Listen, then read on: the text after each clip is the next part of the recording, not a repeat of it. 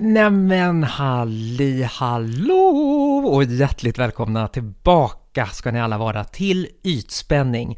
Podden där vi guppar på ytan men inte räds för att dyka ner till havsbotten. Mm, som vi ska. Som vi ska. Och idag Christiana Kaspersen, vet vad det är för dag? Jag vet, men berätta den då. Jag ska berätta den då. Det är första gången någonsin vi i Ytspänning har en gäst. Och, Hurra! Och vem kan denna första väst, eh, väst vara? Det är en väldigt bra fråga.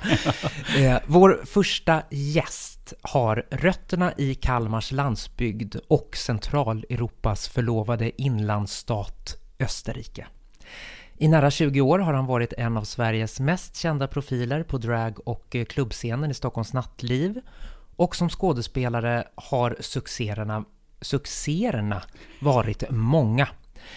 Inte minst genom roller som Orlando i monologföreställningen med samma namn på Stockholms stadsteater och som konferencier i Cabaret, också den på Stadsteatern i Stockholm.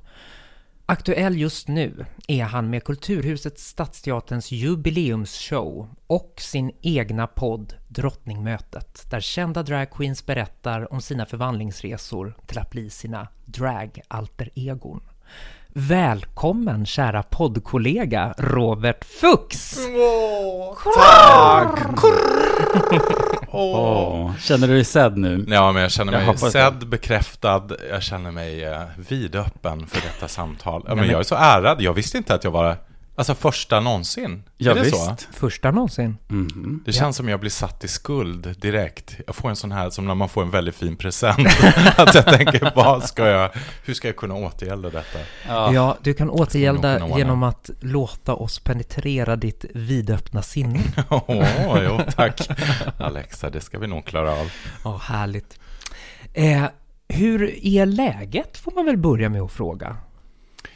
Ja, hur är läget? Alltså jo, eh, rent sådär på ur mikrosynpunkt så, alltså det är en underbar dag. Det är duggregnar ute, jag älskar duggregn.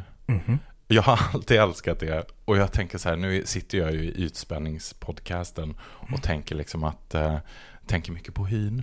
Ja. Eh, nej men jag känner, ja det är som en sån här, jag brukar tänka när det är som mest grått och det är mest regnigt i Sverige, att det är liksom en härlig Dior face mist som liksom bara lägger sig sådär snyggt över Ja, en ansiktet. riktigt dewy liten splash. Ja, i en face. underbar liksom bara känsla. Men eh, nej, men det är jättebra. Vi, jag håller på uh, trallar runt i repsal och eh, i någon poddstudio. Ja, livspusslet. Ja, Ni vet, Jag vet, Ja. det är vi och Moderaterna, vi vet precis hur det där, hur det där går det är till. inte lätt att få till det. Eh, Men, men man gör sitt bästa. Nej, men det har varit en jävligt jobbig sommar som det har varit för många och vår. Mm. Jag har Corona, varit, tänker du, Ja, corona. precis. Jag var ju sjuk tidigt. Så jag har mina antikorpi. Oh. Ehm, det är jättekonstigt att det liksom håller på att bli som ett A och ett B-lag. Eller Mm. Ja, visst, det har jag. Har ni det? Har du? Jag har ju Alexa. haft corona. Mm. Eh, Jag hade den nu för eh, tre, fyra veckor sedan ungefär. Jaha. Jaha, Men visst, och här sitter jag.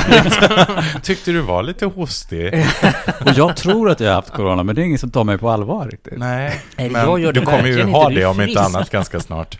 Ja, Eller hur? den Du är där, frisk där hade jag hånglat med dagarna innan hon Men blev du sjuk. tror så. att du har haft det? Mm. Ja, jag har ju inte blivit sjuk. Jag har ju träffat massor med folk tydligen som har, men ja, jag har varit sjuk. Alltså, jag har bara inte kollat.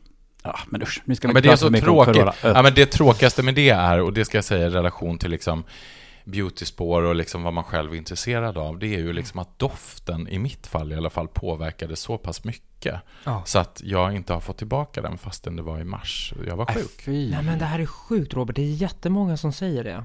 För, försvann din lukt också genom att det var som att det kom in frätande syra i näsan?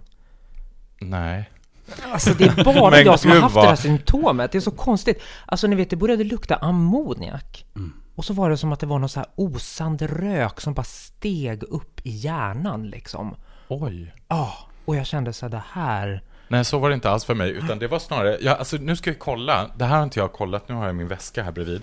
Och så, jag är ju så analog, så jag har faktiskt en kalender. Jag skrev ju upp den dagen som doften försvann. Nej men herregud. Eh, och här, nu ska vi se här, för det var ju i mars. Mm. Då skrev jag upp, för jag blev så chockad när det hände. Här, Mm. 17 mars, så står det smak. Då försvann smak och doft. Mm. Så sen den 17 mars har jag varit liksom Alltså man blir ju, det, det blir ju väldigt märkligt. Och jag älskar ju doft. Jag har ju så himla mycket parfymer hemma, jag har jobbat på parfymeri och så vidare. Så Mm. det är ju liksom någonting som bara, det är det jobbiga tycker jag, med Mm. det hela. Men alltså vi, vi ska verkligen inte missa att ta tillvara på dina kunskaper från parfymerier. Men låt oss börja lite grann i barndomslandet ändå. Vi hoppar dit. Ja.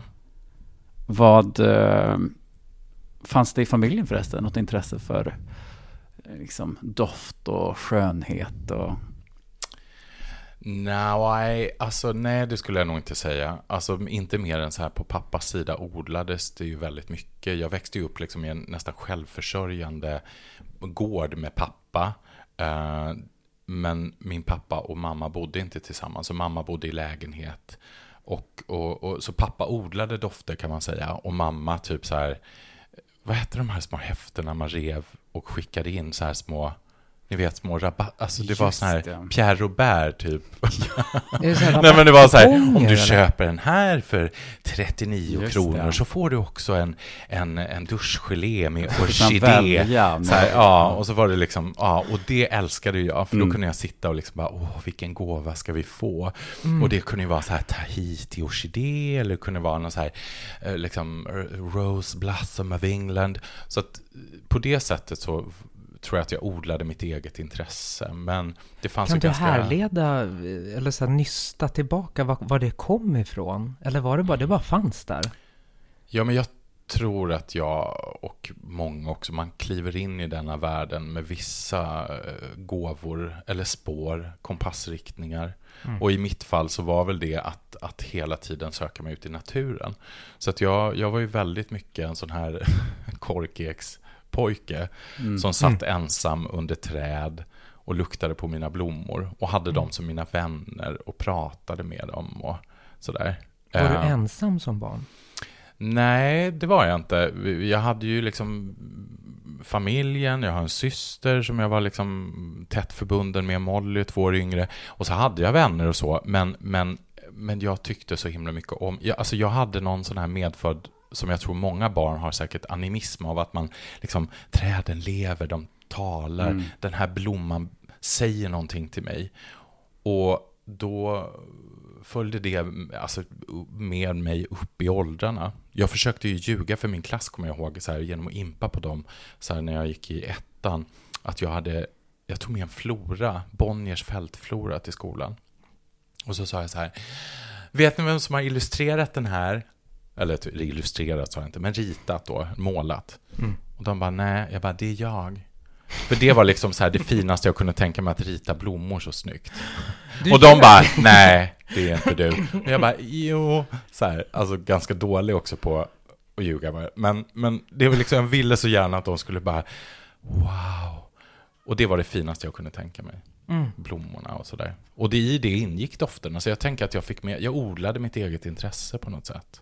Men vad kom eh, något intresse för, liksom kom, vad kom först? Kom liksom mera kring som scenkonst eller började det mycket kring smink och drag eller vad? Eh, vad började? Mm, nej, men jag tänker att jag, jag tog plats på olika sätt. Eh, eller förhöll mig till olika typer av så här, här, här får barn vara och synas och här får de inte vara och synas. Och då om man vill synas ändå, då måste man ju kliva över en gräns. Och då måste man liksom bestämma sig för det där platstagandet. Det var underbart, jag har en katt i Ja, det ansiktet här är här nu. Rasmus som eh, både jamar Alltså, det är lite till och från och som nu Rasmus. kommer att visa sin rumpa för Robert. Ja, Mhm. kom här ska du få. Det är Stockholms bögigaste katt by the way. Underbart. Nej, men jag, jag, eh, jag tror att eh, det här att stå på scen kom först. Mm. Ehm, och så, så kom, kom resten senare och då tänker jag att pyntet kom sen. Så först ställde jag in granen liksom. kan man säga. Och sen så börjar det hänga på med pynt. Och liksom, det är först i slutet som man sätter i den här eh, Pluggen. pluggen. Ja, eller kontakten. Nu är du fortfarande inne på det här bögspåret. Men alltså, man sätter in, man sätter in en kontakt. Och då lyser den lysa. upp liksom. Mm. Ja. Och, och liksom, eh, det allra sista man tar på, det är ju liksom stjärnan på, på huvudet. Så här. Nej men alltså jag, jag var uppfostrad ändå ganska så här österrikiskt, i alla fall på pappas sida, ganska strängt. Alltså vi var inte så här att vi fick köpa vilka kläder vi ville, utan det var det var liksom väldigt mycket disciplin på den sidan. Mycket böcker och natur, men det var verkligen inga extravaganser. Mamma däremot, hon är eh, liksom lite mer impulsstyrd.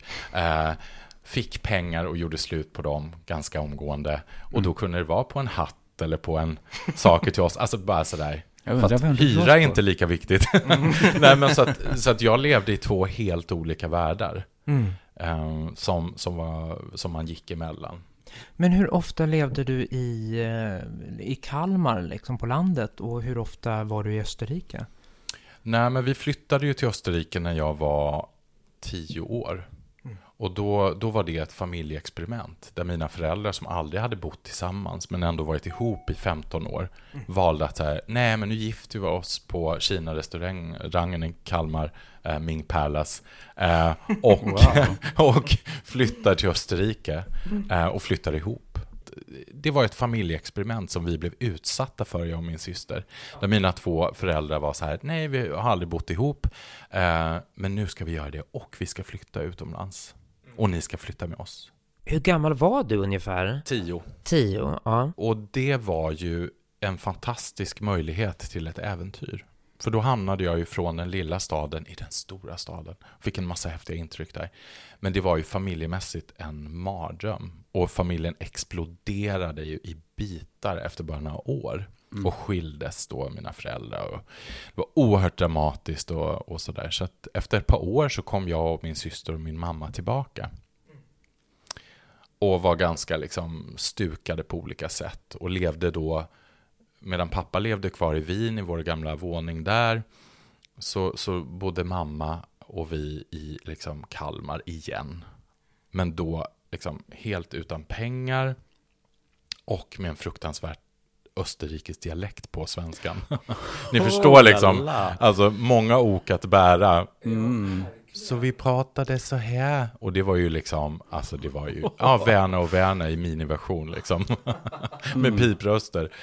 Så, eh, nej men det var ju jättesvårt på alla sätt och vis. Men vi bodde i en väldigt fin lägenhet, för mamma hade liksom fixat till sig, hon är lite fixig. Så hon var så här, när vi inte hittade någon lägenhet i början, för att hon inte hade något jobb, då ehm, gick hon bara till en hyresvärd och var så här, jag ser att det finns en lägenhet där som är tom. Så plötsligt så bodde vi i en lägenhet i Kalmars mest privilegierade överklassområde. Med utsikt över hela stan. Alltså en jättestor lägenhet. Som hon absolut inte hade råd att betala. Så vi hade inga möbler. Det var liksom ett skal. Alltså en fasad, verkligen. Där vi kunde titta ut på rika ungdomar och barn. Eh, men, men aldrig släppa upp någon. Alltså jag, jag, jag tog aldrig upp någon. Under, jag tror fyra år. Så tog jag aldrig upp någon. Så alla trodde alltså att ni var rika? Jag tror att de fattade att vi inte var det. Men, men just det här i relation till skam, i relation till att bygga så här en, en fasad. Alltså jag tänker så här att det här platstagandet som jag hade kanske blev liksom, alltså drag blev ju liksom någonting som sakta tog form och som kanske kom utifrån det också. Att välja en yta, eh, att polera upp fasaden. Mm. Och sen får det fan vara hur som helst bakom. Och hur gammal var du då? ungefär? Nej men då var ju jag i den här underbara tonårsperioden, alltså då var jag ju 13, 14, alltså den Mm. här värsta åldern när man egentligen bara vill vara konform och passa in och vara som alla andra. Ja, men, och då hade jag en stor hemlighet hemma, liksom. och så, så började jag istället leta, eh, omedvetet tänker jag, kanske om och andra typer av platstaganden. Började sminka mig liksom, så här i smyg och Mm. prova mammas klänningar och så. Och för dig var det liksom två det var något som du gjorde i, i hemlighet och sen var du liksom en helt Ja, ja, absolut. Det en var vanlig verkligen- Kalle. vanlig och vanlig. Men alltså jag var, jag var i alla fall inte så out there med den sidan. Och jag menar, det handlade ju om att stå på toaletten liksom innan man skulle duscha och prova mammas läppstift, kommer jag ihåg. Mamma hade bara tre sminkattiraljer och det var ett läppstift som alltid var liksom så här urgröpt. Så att hon höll på, det var alltid slut så att hon hade gröpt med fingret. Av någon anledning var alltid slut. Och sen var det liksom en kajalpenna som var så dåligt vässad så det bara var trä, eh, liksom flisor. Och sen så var det en mascara som var så här jätte, liksom. Mm. Det Så- låter som min mammas väska också. Det var, ja. Nej men det är ju någonting med att så här, då börjar man, alltså verktygslådan är minimal i början. Mm. Så att jag tänker att det var ju bara nyttigt för mig. Sen var det ju det här att sminka sig på olika sätt och tvätta av sig liksom.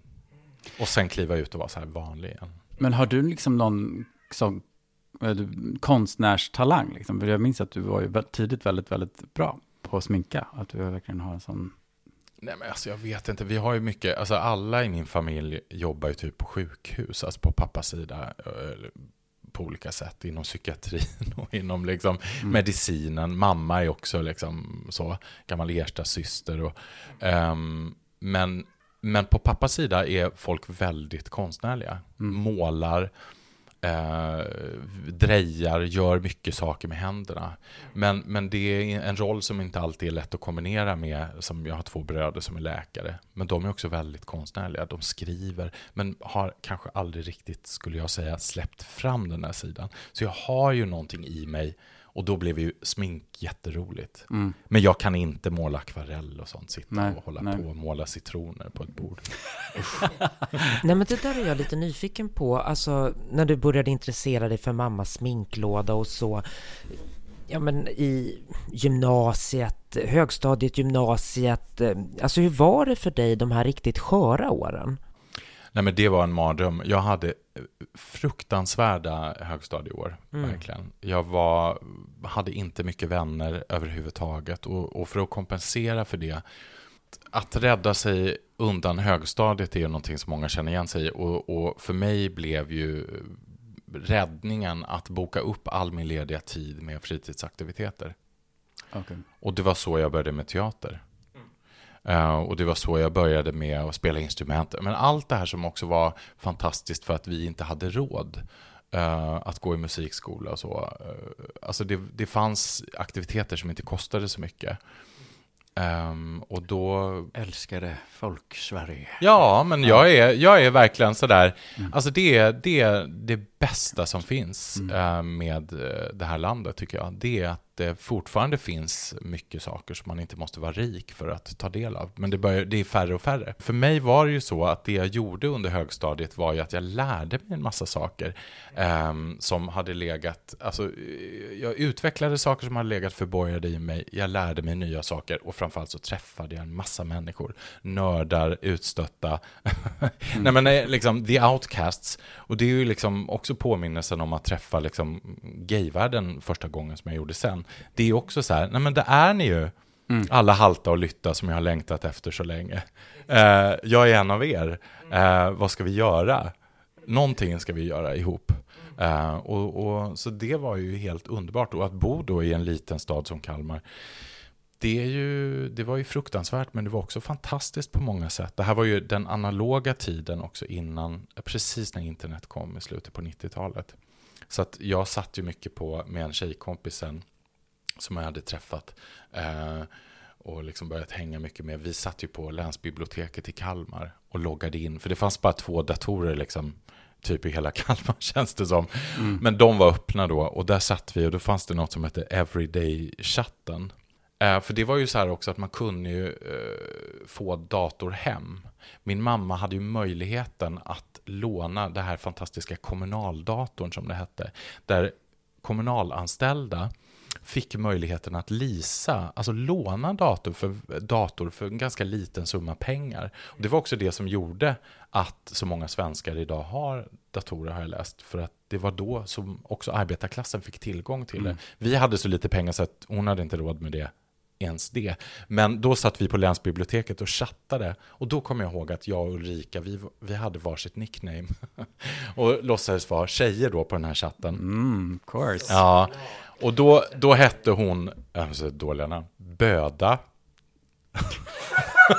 och jag hette Böda Kleva. För det är två stränder ju på, Ja. på Öland. Mm. Så, så Kleva är ju mitt första, egentligen när jag tänker efter. Jag har aldrig tänkt på det. är nog mitt allra första Mm. drag-alter ego. Kleva. Det Ja, låter- Kleva. Kleva Fux. Fux. Klafsa och Kleva Fux. Men jag tänker så här, den Robert Fuchs som jag minns att jag träffade, kanske 1999 kan det ha varit, tyckte jag bara osade av liksom självförtroende. Vad hade liksom hänt där mellan de här taffliga teaterklasserna och liksom trevandet i...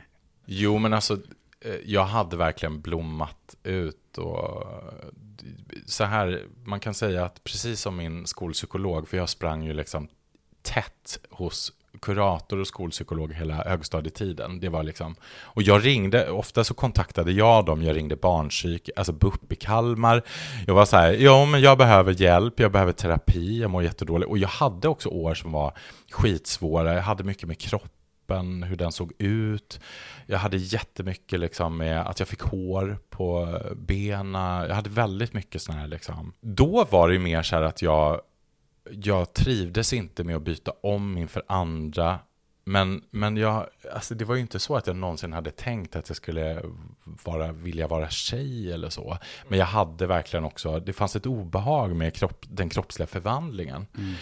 Ehm, och då, då var jag sådär jätteproaktiv och liksom ringde själv. Och, Wow. eh, och det är jag glad för idag, för jag fick också väldigt mycket hjälp. Ehm, så att det brukar jag ju uppmuntra om jag kommer i kontakt med yngre och, och liksom så här att verkligen, ja men försök, ring, ta hjälp så. Jag hade en fantastisk, jag gick hos överläkaren på BUP i Kalmar, han hette Georg Fonseca. Och han var fantastisk. Alltså jag, om du lyssnar nu på utspänning, då skulle jag ju vilja tacka honom för att han var så fantastisk. Han satt, han hade ju, han hade ju det största mottagningsrummet uppe på uppe i Kalmar. Och så hade han en sandlåda för de minsta barnen. Och så hade han en stoffgrupp så här och där fick man sitta. Och han började alltid med att vara helt tyst. Så här jättelänge. Alltså så tills man började prata själv. Men sen plockade han upp bollen och hade ett sånt fantastiskt sätt att liksom också bolla idéer eller tankar. Alltså inte bara ångest, utan också så att man gick därifrån och kände så här, "Ah, jag är lyft, jag kan något, jag vill någonting. Så att jag tror på din fråga, så här, vad hade hänt? Mm. Jo, men jag hade också fått lära känna mig själv. Mm. Jag hade överkommit en hel del av, av mina, eh, liksom mitt kroppshat och allt det där. Och jag hade också varit med om en gymnasietid som blev helt annorlunda än högstadietiden. Och det var det skolpsykologen sa till mig. Det kommer att bli mycket bättre på gymnasiet, Robert, om du väntar. Och det är fruktansvärt att höra det i sjuan. Mm. Ja, ja. Men det blev ju det för mig. Och det- så att jag levde ju livet i gymnasiet istället. Men började du, gick du på teaterestet eller vad gick du för uh, inriktning? Nej, jag drömde ju om ett kort tag att jag skulle gå Skara skolscen. Mm. Och jag läste ju någonstans att det skulle man kunna göra i någon folder. Sådär, som man fick då. Men eh, nej, det blev inte så, utan jag sökte ju liksom något jättepluggigt. Jag sökte samhälle internationell. Så jag gick alltså en engelskspråkig samhällsprogram. Oh. Eh, där böckerna var engelska och de här stackars lärarna försökte prata engelska med oss också. det var oerhört traumatiskt för dem, den tiden. Eh, nej, jag gick på något som eh, hette Stagneliusskolan, väldigt pampig, eh, liksom slottsliknande skola i Kalmar med vatten utanför och fontäner och, och liksom nästan så här fascistisk liksom, eh, arkitektur. Oerhört liksom, fin slash scary. Och ehm, på dörren ovanför porten då eh, som man gick in varje morgon så stod det så här sanningen skall göra eder fria. Och det har jag liksom känt så här, nej, alltså jag gillar ju att hitta min egen, alltså nej men alltså det är roligare att och, och, och, och fejka något roligt, alltså eh, måla på någonting. Alltså san, vad är sanning? Alltså det tyckte jag var så hemskt. Så det stretade jag emot väldigt mycket. Hela gymnasietiden? Ja, ganska mycket. Och jag höll på mycket då att stå på scen och var kulturansvarig i elevkåren och byggde väldigt mycket allianser där och så. Så jag hade roligt och fick börja leva.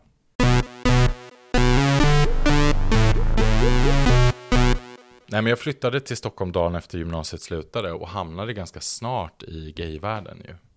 Eh, Och, och träffade på många dragqueens. Och kände väldigt snabbt att här finns det ju en familj. Här finns det en öppen famn. Inte alltid vidöppen. Jag menar, det var också möte med väldigt mycket missundsamhet, avundsjuka, svartsjuka.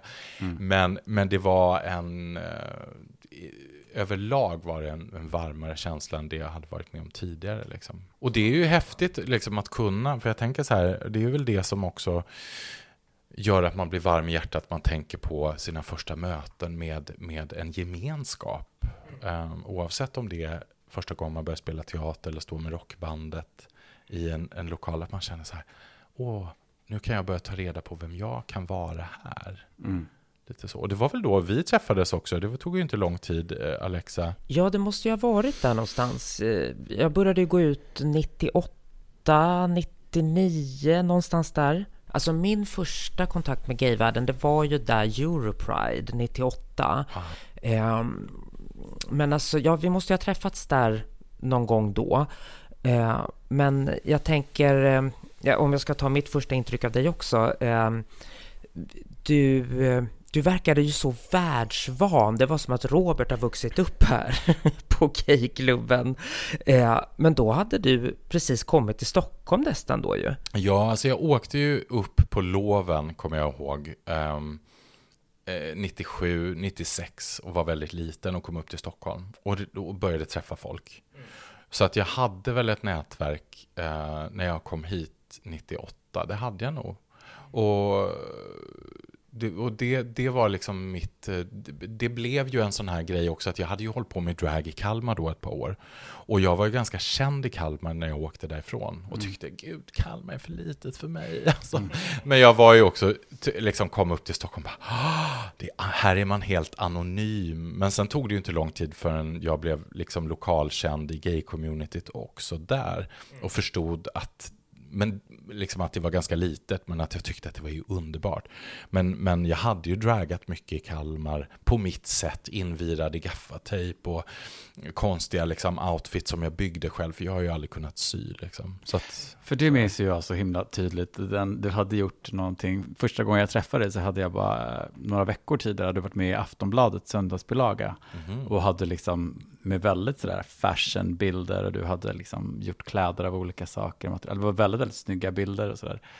Eh, hur sjutton liksom, du började liksom armbåga dig fram lite tidigt eller? Och hur fick du de där eh, kontakterna liksom att börja? Nej, men jag tror också att jag skilde mig väldigt mycket från de dragqueensen som fanns i Stockholm. Väldigt många då var ju väldigt sådär klänning och klackar och peruk.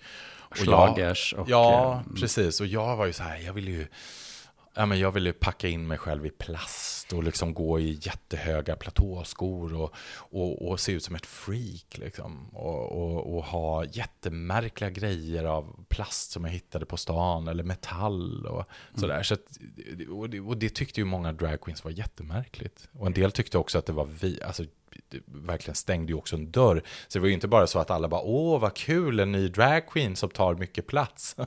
och som är 19 år, välkommen, vad roligt. För jag börjar känna mig lite gammal just nu och jag vill verkligen ha konkurrens. Nej men det var liksom, det var inte bara så.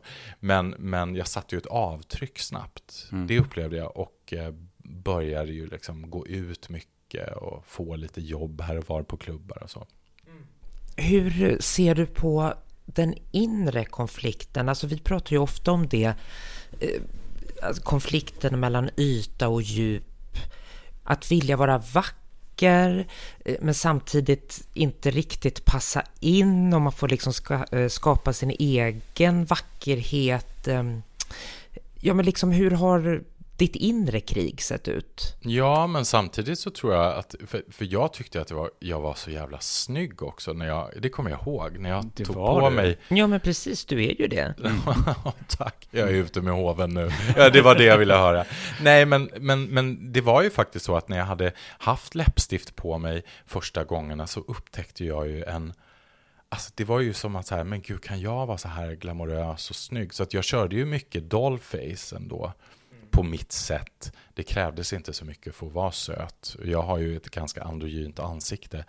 Um, och, och, och, men, så att jag kände ju också att jag klev fram. Att jag förstärkte någonting i mitt inre som hade varit dolt väldigt länge. Och jag, jag, alltså jag kommer ihåg hur jag satt och sminkade mig på tunnelbanor och bussar. Jag hade ju liksom inga problem med att ta den platsen. Liksom. Så jag, det... Inga hatbrott? Nej, nej, nej, nej, nej, nej. Nej, men för nazister var ju jättevanliga att ja. se ute på 90-talet. Och jag var ju mycket engagerad då eh, i olika liksom, politiska fraktioner i Kalmar också som, som jobbade väldigt mycket och hårt mot eh, liksom nazisterna. Det var mycket nassar i, i Växjö och många i Karlskrona.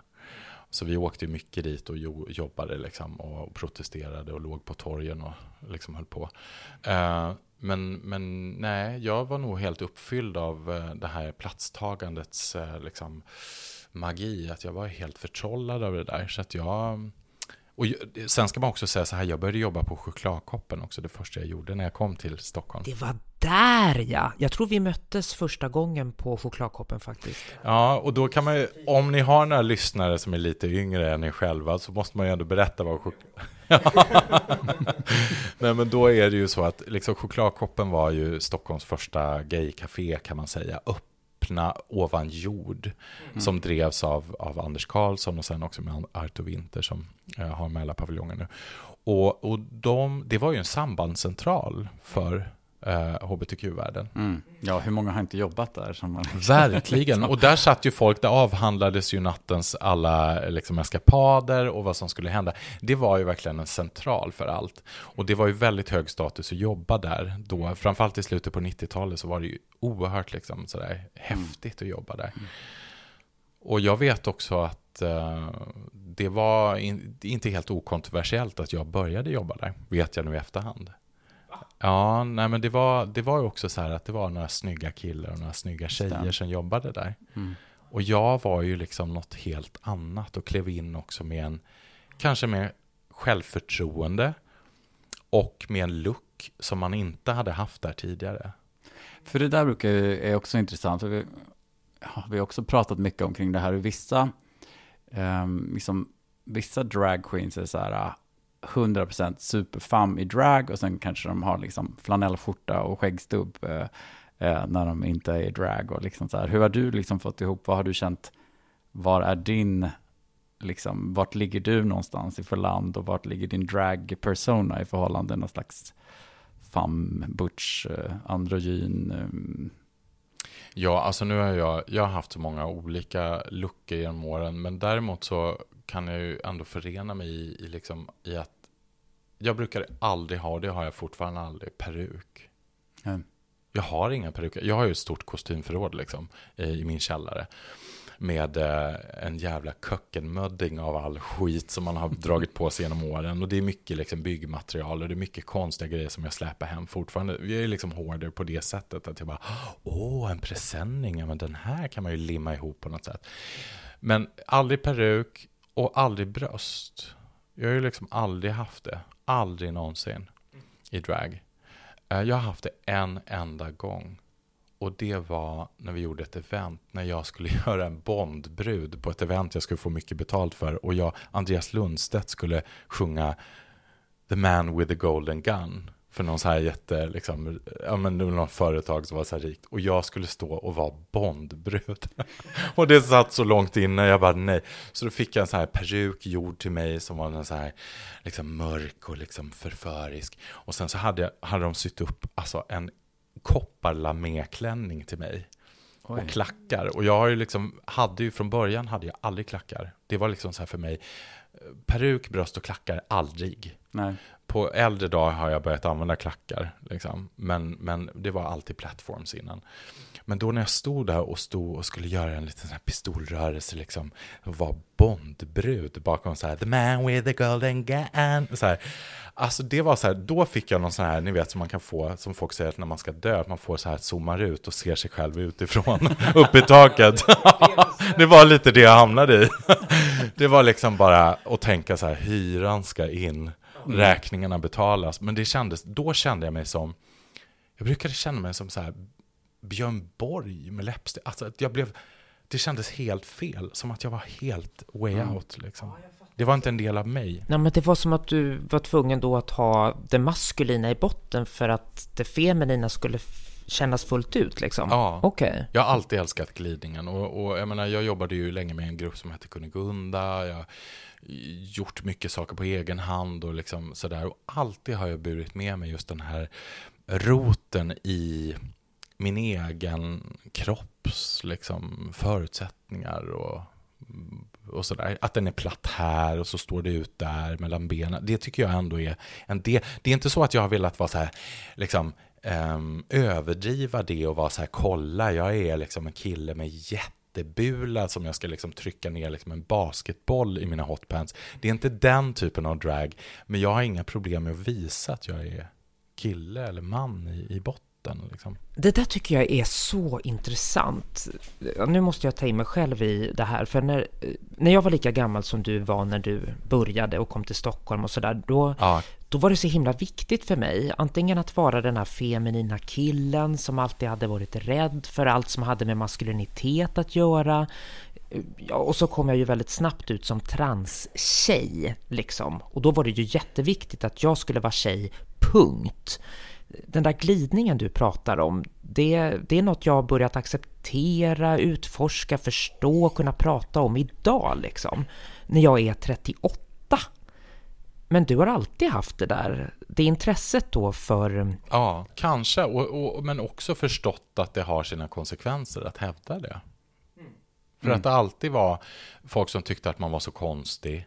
Det fanns ju heller inte, jag kan tänka så här om jag hade haft det här instaflödet jag har idag med förebilder och häftiga luckor och allt det här. Men det hade jag ju inte då liksom. Och då, då fick man fan stå på sig ännu mer och vara så här, nej men det här är min stil.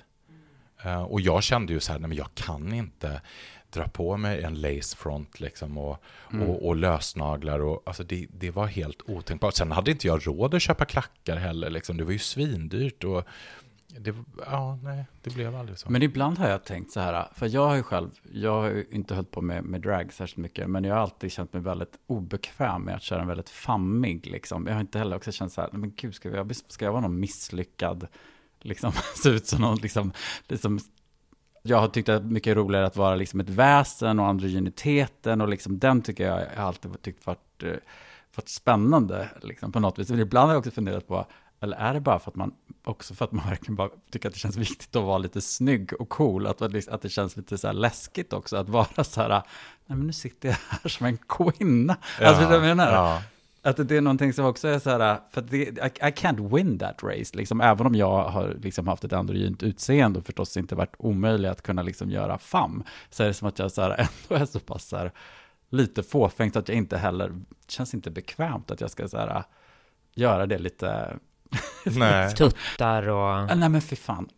Men jag tror också att det var ett sätt för mig att hävda ett visst mått av, liksom, alltså jag var ju fascinerad av, av, av, av goth och liksom, eh, alltså det här mörka, det svarta, alltså att också kunna hitta glidningarna och inte vara så himla till lag, så vän och bara gullig, utan också kunna vara aggressiv. Jag hade ju liksom, alltså, alltså kunna ta plats, alltså det finns ju, det är många säkert som kan berätta som har jobbat med mig att jag liksom har gått in i situationer ibland som inte alltid har varit helt säkra, liksom, men där jag har bara varit så här, liksom känt, och det tror jag har med mig från de här första åren då, att liksom ingen ska någonsin sätta sig på mig igen. Men jag lyckas balansera det där med att ändå vara så pass intagande så att jag kunde fortsätta jobba eh, och ändå ha kvar mitt sociala, alltså jag brände inte alla skepp eh, genom att jag slogs inte till exempel, men jag, jag var väldigt tydlig. Jag var ganska dominant liksom, i olika situationer skulle jag kunna säga. Och det kan jag fortfarande vara. Och jag tycker om att vara det.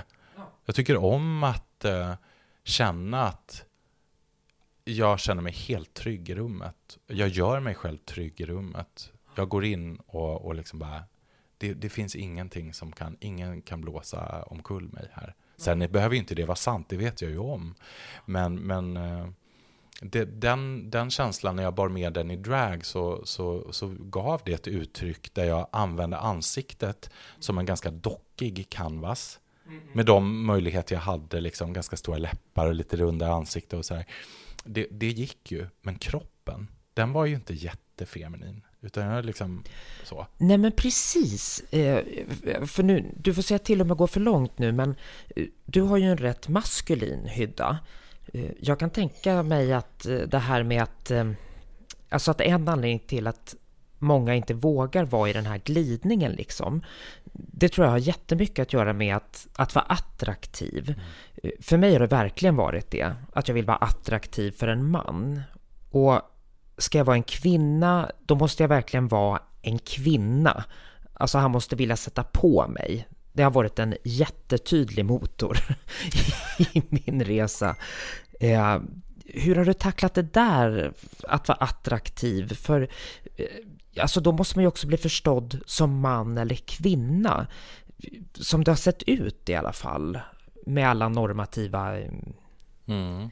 Det är jätteintressant. Jag tror att jag på ett tidigt stadium kände så här att, eh, att, att eh, liksom att jag, jag gjorde drag. Drag blev ju allt, det blev ju väldigt mycket, inte allt, men det blev väldigt mycket. Jag gjorde det halvt på dagtid, eh, hela tiden på nätterna, jobbade oerhört mycket med det. Och jag tror att jag kände att priset jag betalar gladeligen är att inte jobba med attraktion eller att jag ska vara liggbar. Liksom hela, det är klart att ibland tyckte jag att det var skitjobbigt. Men jag tyckte hela tiden att liksom, oh, det är så många liksom svåra andra typer av spel och drama. Det skulle ta upp hela min tid. För det jag såg att vissa kompisar höll på med, det slukade ju all, hela deras tillvaro. Folk också som var jävligt begåvade drag, eh, adepter eller liksom så här som började med drag, men som sen slutade. För att de fick en kille som inte ville det, eller för att de var tvungna att göra sig attraktiva eller liksom lite grabbiga och lite så här. Så jag såg ju också att man får välja väg. Och så det var lite som att så här stå vid stadsmuren och vara så här, ska jag stanna innanför eller ska jag gå ut och vara fri utanför stadsmuren? Eh, och då kände jag att jag, jag väljer det där outcast-livet mer. Men fick du betala då med att bli ensam en period? Ja, men jag tror att jag alltid har varit eh, ensam på många sätt och solitär. Ehm, och har fått kämpa jättemycket med att göra mig delaktig eller liksom i stora sammanhang och sådär. Ehm, men det, så jag tror inte att det kändes som ett jättehögt pris heller att betala faktiskt. Utan att det kändes som att här, det är ju så värt det. Att få ta den platsen i natten och, och njuta av det och leka med det och vara sig själv där. Jag menar, och sen ska, vad fan, jag orkar inte gå runt i några så här slitna jeans och t-shirt och spela lite så här, ah men tjena tjabba hallå med någon jävel. Alltså det var så här, nej men jag kunde ju lägga ner rösten på heta linjen om det krävdes, men liksom, det räckte bra. Alltså jag, det, var, det var så jävla mycket energi som folk la på allt det andra, här jävla orrspelet som pågick, de här olika typer av parnings, liksom så. Och jag hade på något sätt bara, nej men jag kommer aldrig få någon familj, jag kommer alltid, all, jag kommer alltid vara själv, jag kommer alltid så. Eh, massa sanningar som inte kanske stämmer, men jag hade liksom bestämt mig för att, nej, nej, nej, nej, nej. Men du har ju ändå haft killar. Ja, och jag har ju det nu. Fem år har vi varit tillsammans. Grattis. En livstid i bögår, ja. som man säger. Ja, men alltså, man, nej, men det var ju o, o, otänkbart då. Det, det var så här, nej men det får ni hålla på med alla ni andra. Så kände jag. Håll på med det. Och, alltså jag jobbade ju liksom i bar, jag jobbade ju som en dagslända, uppträdde ju på natten då. Eh, fick pengar i olika kuvert. Eh, bodde liksom i andra hand eh, i Ikea-säckar. Ja, jag verkligen skattade pengar. Men, men, men, men jag kände så här att allt det här vanlislivet, det får andra hålla på med. Mm. Varsågoda, så.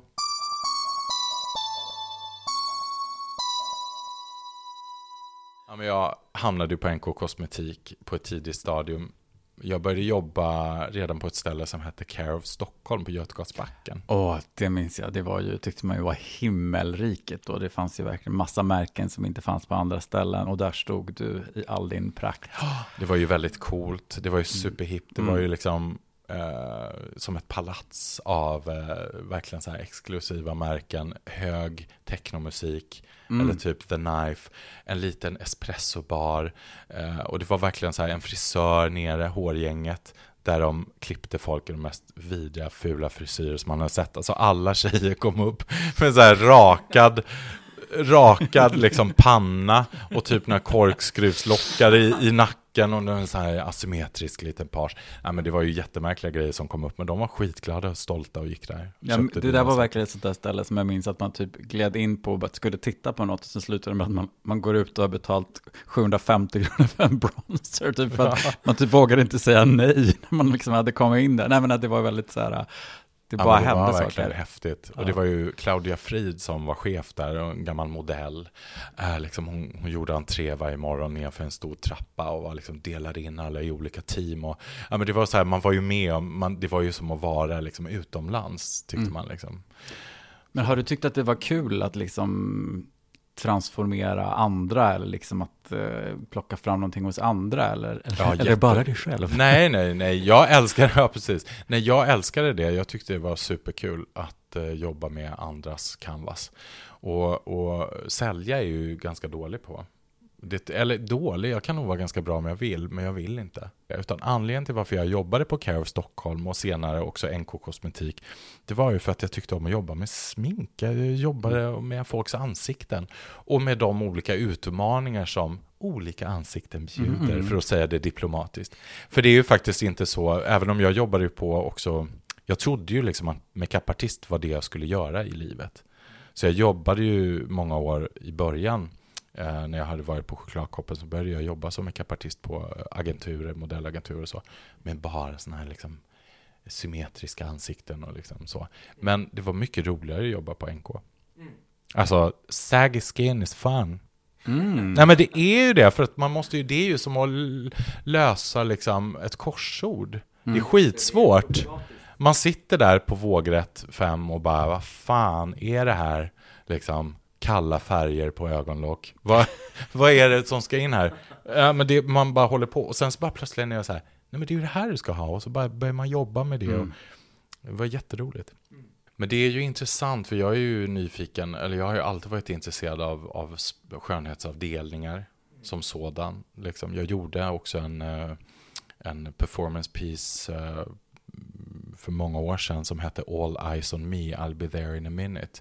Som byggde liksom på eh, en eh, skönhetsavdelnings, liksom, alltså hela hur den är uppbyggd. Och jag turnerade med den med Riks på så, så här festivalscener. Eh, och det var jätteintressant för där var ju mycket av publiken var ju sån som ofta kom i kontakt med liksom, alltså sminkindustrin, ganska unga människor och sådär. Men då var jag liksom, jag tycker det är intressant att tänka på expediterna som prästinnor och Mm. liksom diskarna som altare och, och, och jag tycker att det är fascinerande och byggde liksom upp den här scenografin med de här stora bilderna på de här kvinnorna med utfrätta näsvingar liksom. Alltså det blir ju som så här ikonbilder. Det, det finns ju en stor aspekt i skönhetsavdelningen som, jag, som bygger på ritualer. Eh, och som bygger på någon slags smörjelse. Alltså med de här olika dekokterna och de här också. Det finns ju någon slags både syndernas förlåtelse och ett biktmoment. Och jag är ju uppvuxen i en ateistisk familj. Men jag är väldigt fascinerad av den där dramaturgin liksom, som finns i, i köpandet och handlandet och rådgivandet. Sen kan man ju också koppla det till kommersens tempel, natur, mammons tempel. Det kan man ju göra också. Det, det är pengar som sätter i rullning och tron på kommersialismen och så vidare. Men framför allt utifrån en skönhetsperspektiv så tycker jag det är intressant att prata om um, tro, hopp och skönhet i den bemärkelsen att vi laddar. Det finns ju ett väldigt stort mått av metafysik på en skönhetsavdelning. Alltså när jag, när jag som expedit står, för jag står ju på många olika diskar, men om jag står på till exempel eh, La Prairie, där, där eh, liksom krämerna kostar tusen och åter tusentals kronor. Och jag var lunchavlösare där liksom. Då är det väldigt viktigt att jag också hanterar um, artefakterna, föremålen, krämerna, sminkpennorna och så vidare, krallpennorna, med en tillbörlig vördnad. Alltså jag måste hantera, jag måste ladda varje krämburk på rätt sätt.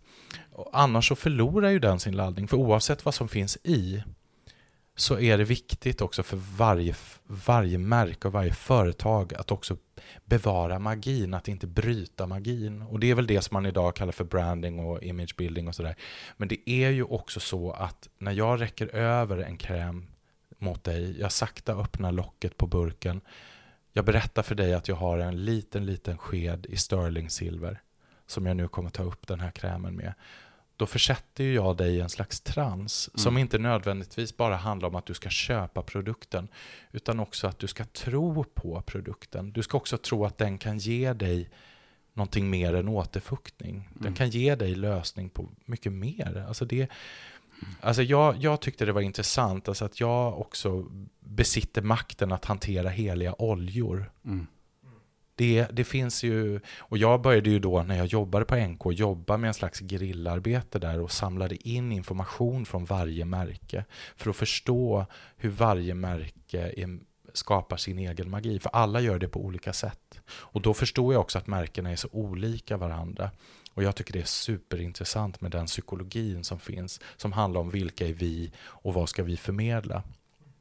Och det bar jag med mig då i det jag gjorde där på Riksteatern. Och jag tänker att liksom, det där, att få vara den där prästinnan i det där templet, mm. det var också det som jag tyckte mest om med att jobba på NK Kosmetik. För där går människor in bara genom dörrarna och känner en vördnad för NK i sig.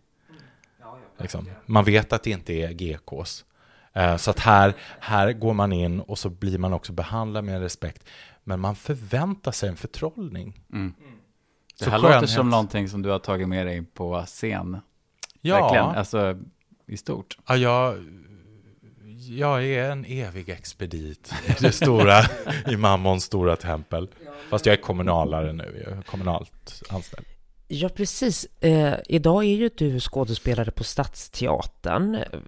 Jag är lite nyfiken på när du började 2005 på eh, Orionteatern. Research. Eh, så då var det ju mycket mera unikt att vara både dragqueen och skådespelare. Mm.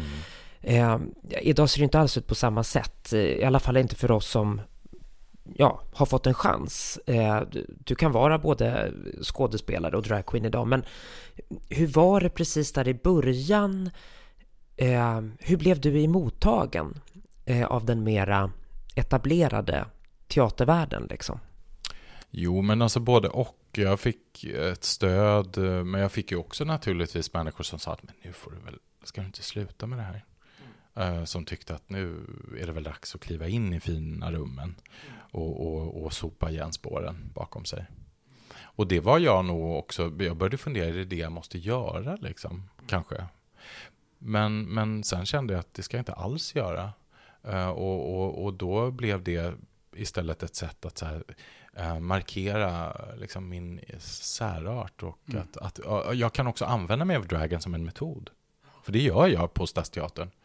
Uh, medvetet. Jag tycker liksom att drag är väldigt användbart på många sätt oavsett om jag är en mansroll eller en kvinnoroll. Ja, precis.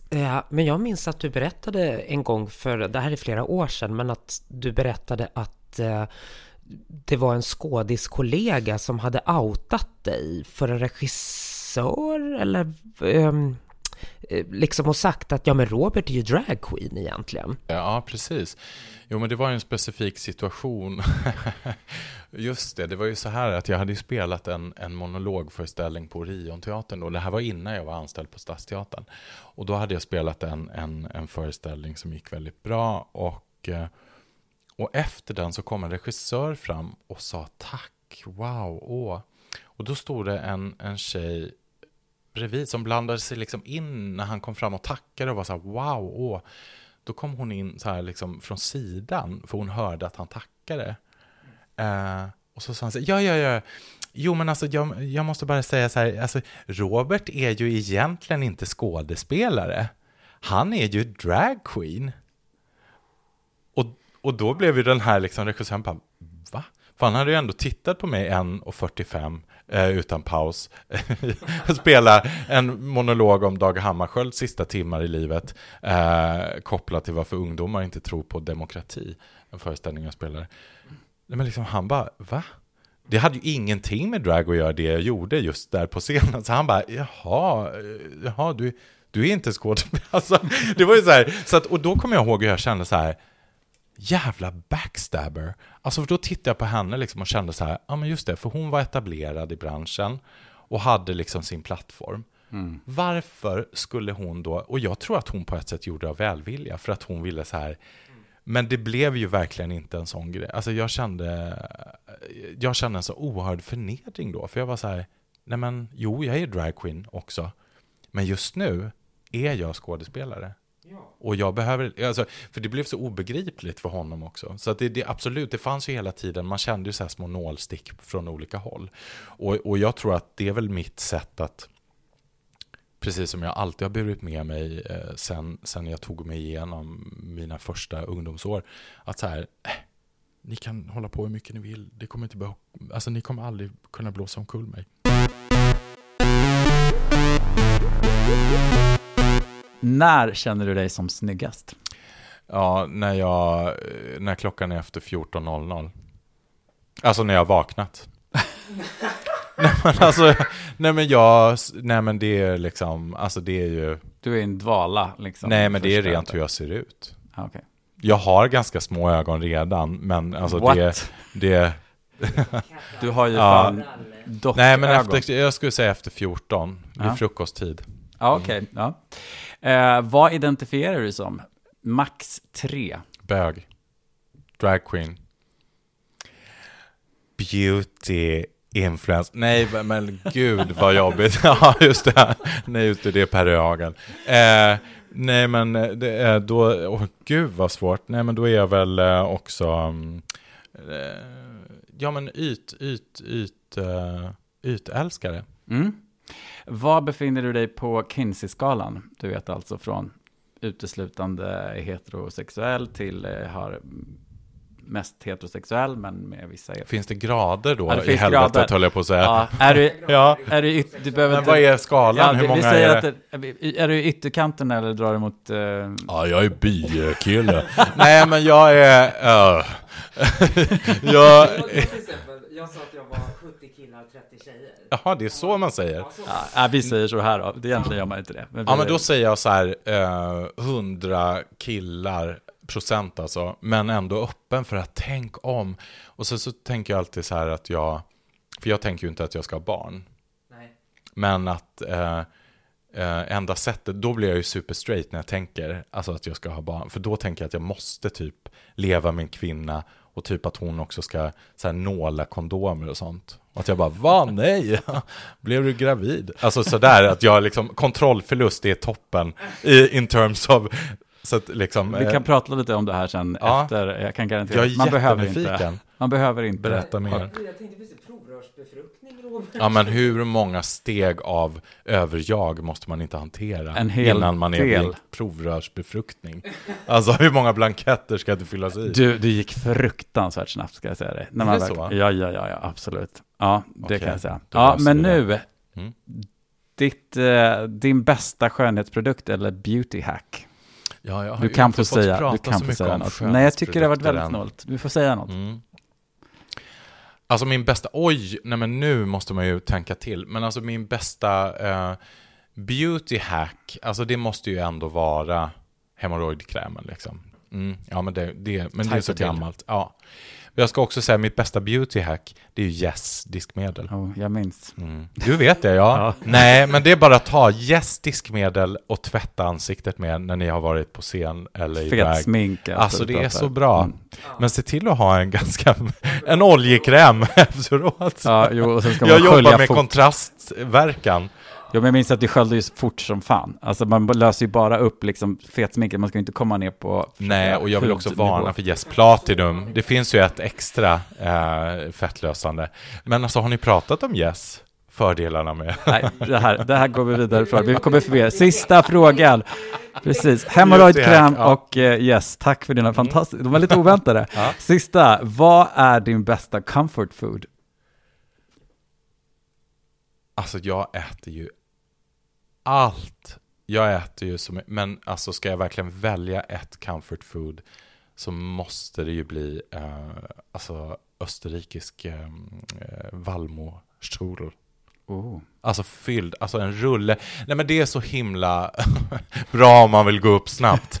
Eh, det är ett annat hack jag har, ett beauty hack. Ja men det är ju så här, i en viss ålder då får man välja mellan kropp eller ansikte. Det vet ni, eller Mm. kirurg.